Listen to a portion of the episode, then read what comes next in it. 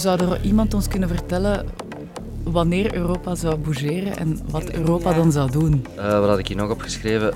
Die deepfake video's. Ja, ik heb dat ook Dat vind ik echt wel fascinerend. We're entering an era in which our enemies can make it look like anyone is saying anything, even if they would never say those things. AI en entertainment. Ja, ja voilà. Onze regering kijkt vooral naar Europa om de energieprijzen te temperen. Maar kan Europa ook echt iets doen?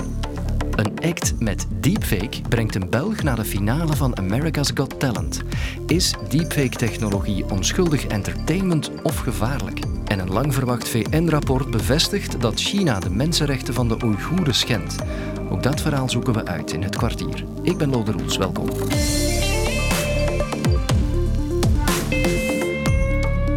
We gaan er verder over praten. Dat is zo'n beetje het overlegcomité over de hoge energieprijzen samengevat. De bestaande maatregelen worden verlengd tot de lente volgend jaar. Dat is beslist en de overheid wil zelf ook wat energie besparen. Maar er wordt toch vooral veel gepraat de komende weken. Met de banken om te bekijken of mensen hun woonlening wat kunnen uitstellen. Met energiebedrijven over het afromen van de overwinsten en met werkgevers en werknemers om te kijken welke maatregelen er kunnen komen om de energiekosten van bedrijven wat te milderen. Maar er wordt vooral naar Europa gekeken. Het is enkel op Europees niveau dat we gaan in slagen om de prijzen naar beneden te krijgen. Enkel Europa kan vandaag het bloeden stoppen. Europa is denk ik hier de partner, dat hebben we ook altijd gezegd, voor multinationale problematieken. Daarvoor zijn we juist lid van Europa om die aan te pakken. Wij zien elkaar met de Europese energieministers op 9 september. Nu moet er solidariteit komen op vlak van de prijs, want wij worden geconfronteerd aan die hoge prijzen, terwijl wij wel maximaal onze energie doorleven.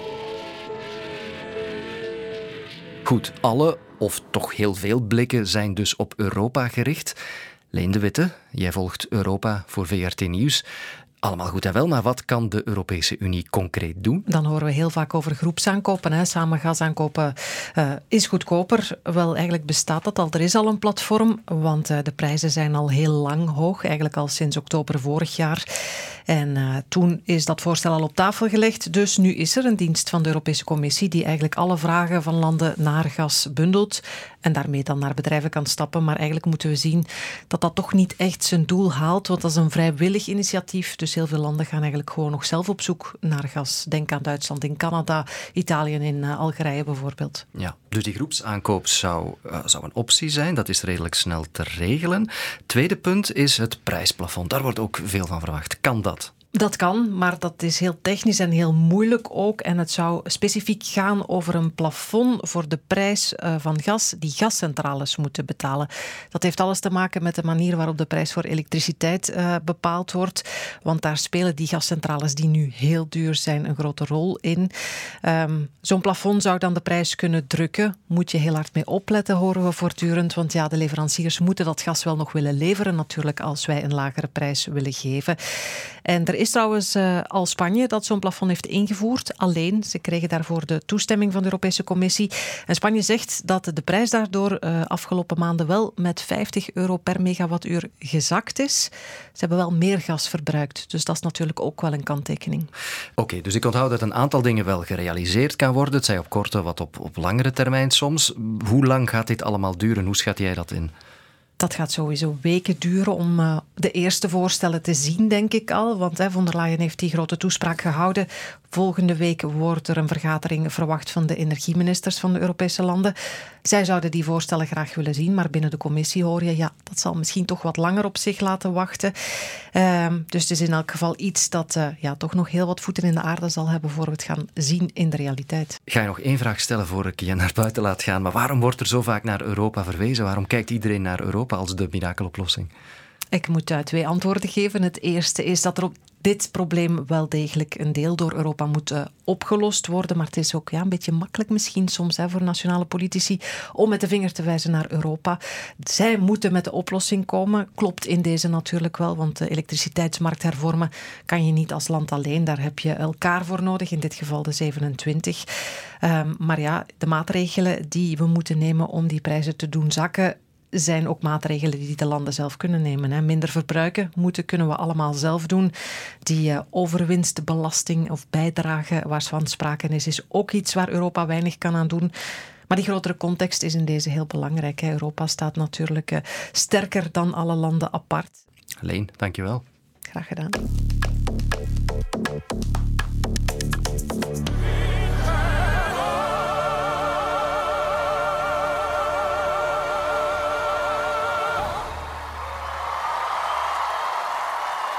In terms of talent, originality, I have to say something. This is not the best act of the night. Oh, yes, it is. What? This is the best act, I believe, of the series so yes. far. Yes! I do. Je hoorde operazangers applaus en dan een heel enthousiaste Simon Cowell. Dat is het meest beruchte jurylid van America's Got Talent, de talentenwedstrijd. Maar het ging hier toch vooral over wat je zag. En dat ga ik je nu even vertellen. Drie juryleden zagen we van America's Got Talent die live opera staan te zingen, terwijl ze dat helemaal niet kunnen natuurlijk en eigenlijk ook niet meegewerkt hebben aan dat optreden. Hoe kan dat, vraag je je dan misschien af? Wel, dat kan door deepfake technologie, waarbij bestaande beelden bewerkt of gemanipuleerd worden via kunstmatige intelligentie. En je kan op die manier ja, mensen dingen laten zeggen of dingen laten doen zonder hun mee te weten. Heel indrukwekkend, zo vonden ook de juryleden dat hoorden. En dat is helemaal toe te schrijven aan een Belg, Chris Humé en zijn bedrijf Metaphysic.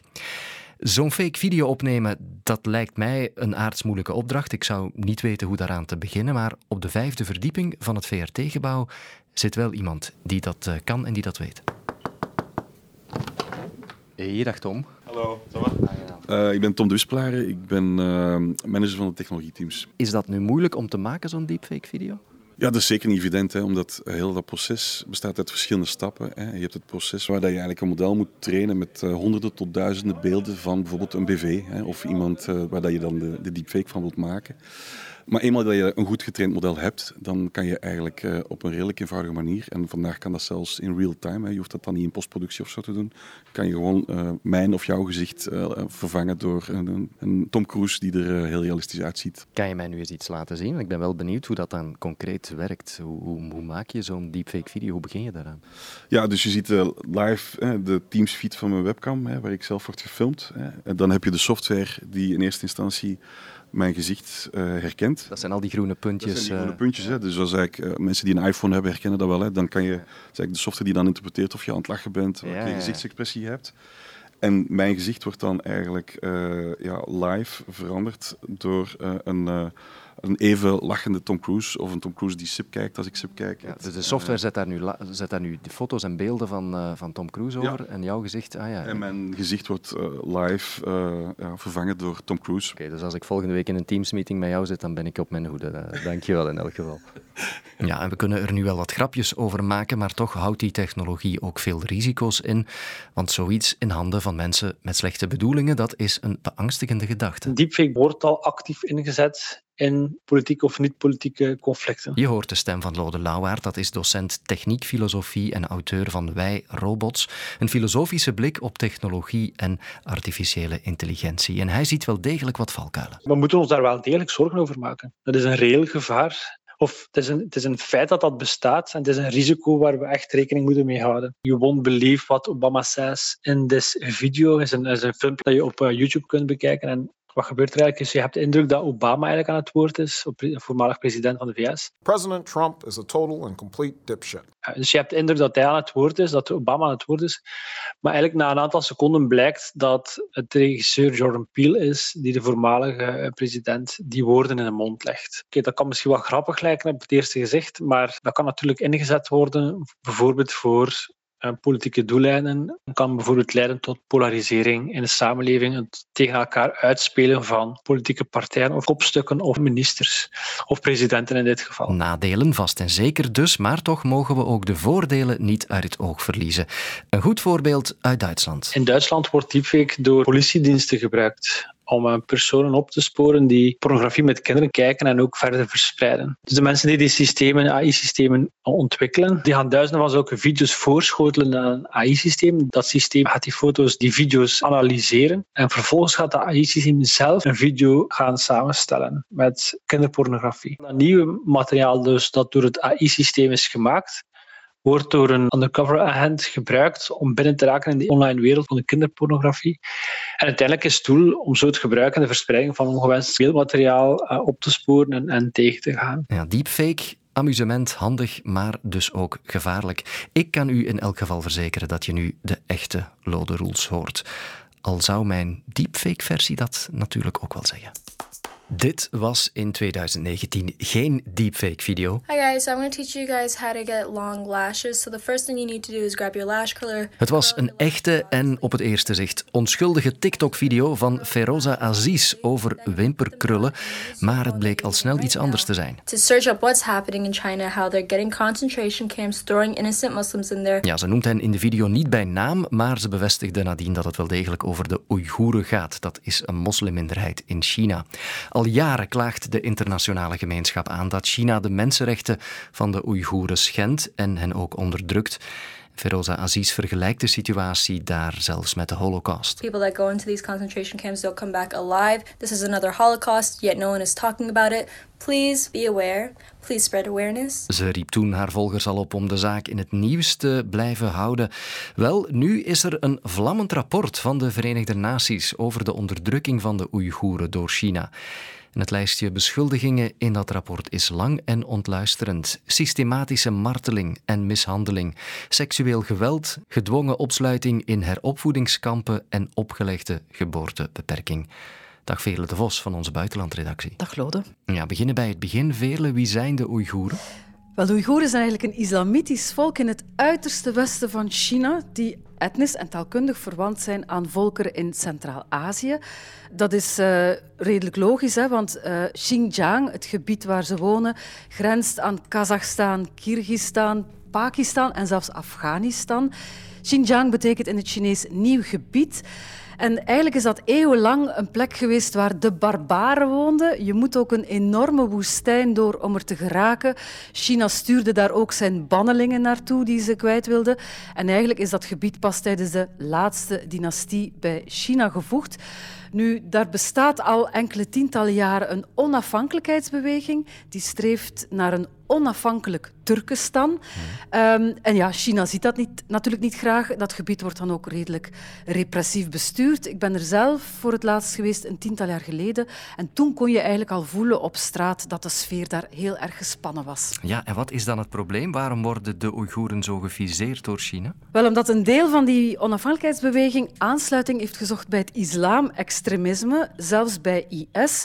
Er zijn ook wel wat aanslagen gepleegd in China. We weten daar weinig over, Lode, omdat China dat soort dingen zelf natuurlijk in de doofpot stopt. Maar daar zouden enkele tientallen, zelfs honderden doden zijn gevallen. En ja, om dat de kop in te drukken, uh, zijn ze eigenlijk vijf jaar geleden begonnen met een heropvoedingsprogramma op een manier uh, waarop eigenlijk alleen China dat kan. Het idee dat je een hele bevolking eigenlijk kan herprogrammeren. En dan ging het van ja, jonge mensen in jobcentra uh, stoppen tot echte strafkampen. En je herinnert je misschien wel die foto's van die duizenden mannen in blauwe overals die op een soort plein zitten omringd door prikkeldraad. Oeigoeren die nog openlijk moslim zijn, die een baard hebben of die hoofddoek dragen of naar de moskee gaan, die zijn verdacht. Dus ja, China probeert eigenlijk om van die mensen Chinezen te maken. Er komen al jaren onrustwekkende berichten uit China in verband met de Oeigoeren, dat weten we. Nu is er dat VN-rapport. Wat maakt dit rapport dan zo anders dan alle andere uh, verslagen en rapporten? Ja, het is de VN, Lode. En, en China is zelf lid van de VN. Dus dat maakt natuurlijk dat ze dit ernstiger moeten nemen. En je merkt dat eigenlijk ook aan hun uh, reactie. Dat rapport is eigenlijk gisteravond gepubliceerd, enkele minuten nadat Michelle Bachelet, de hoogcommissaris voor de mensenrechten, die in mei in China is geweest, enkele minuten voor ze eigenlijk ja, ontslag nam, uit haar functie stapte. Ze zei zelf enkele weken geleden dat ze onder enorme druk stond om dat rapport wel of niet te publiceren, om er dingen aan te veranderen. Het lijkt er eigenlijk op dat China tot de laatste minuten geprobeerd heeft om inderdaad uh, paragrafen te schrappen in dat rapport. Gaat dit iets veranderen, denk je? Uh, ze hebben vandaag het rapport helemaal afgekraakt. Hè. Gezegd het is een politiek wapen tegen Peking. Het is een samenraapsel van desinformatie en het maakt deel uit van de strategie van het Westen om China te onderdrukken.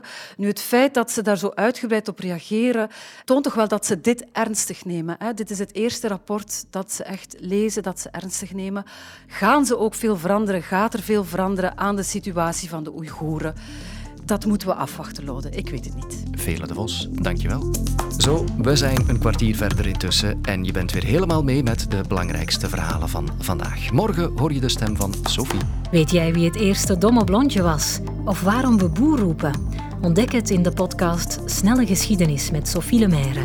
Nu in de app van VRT Max.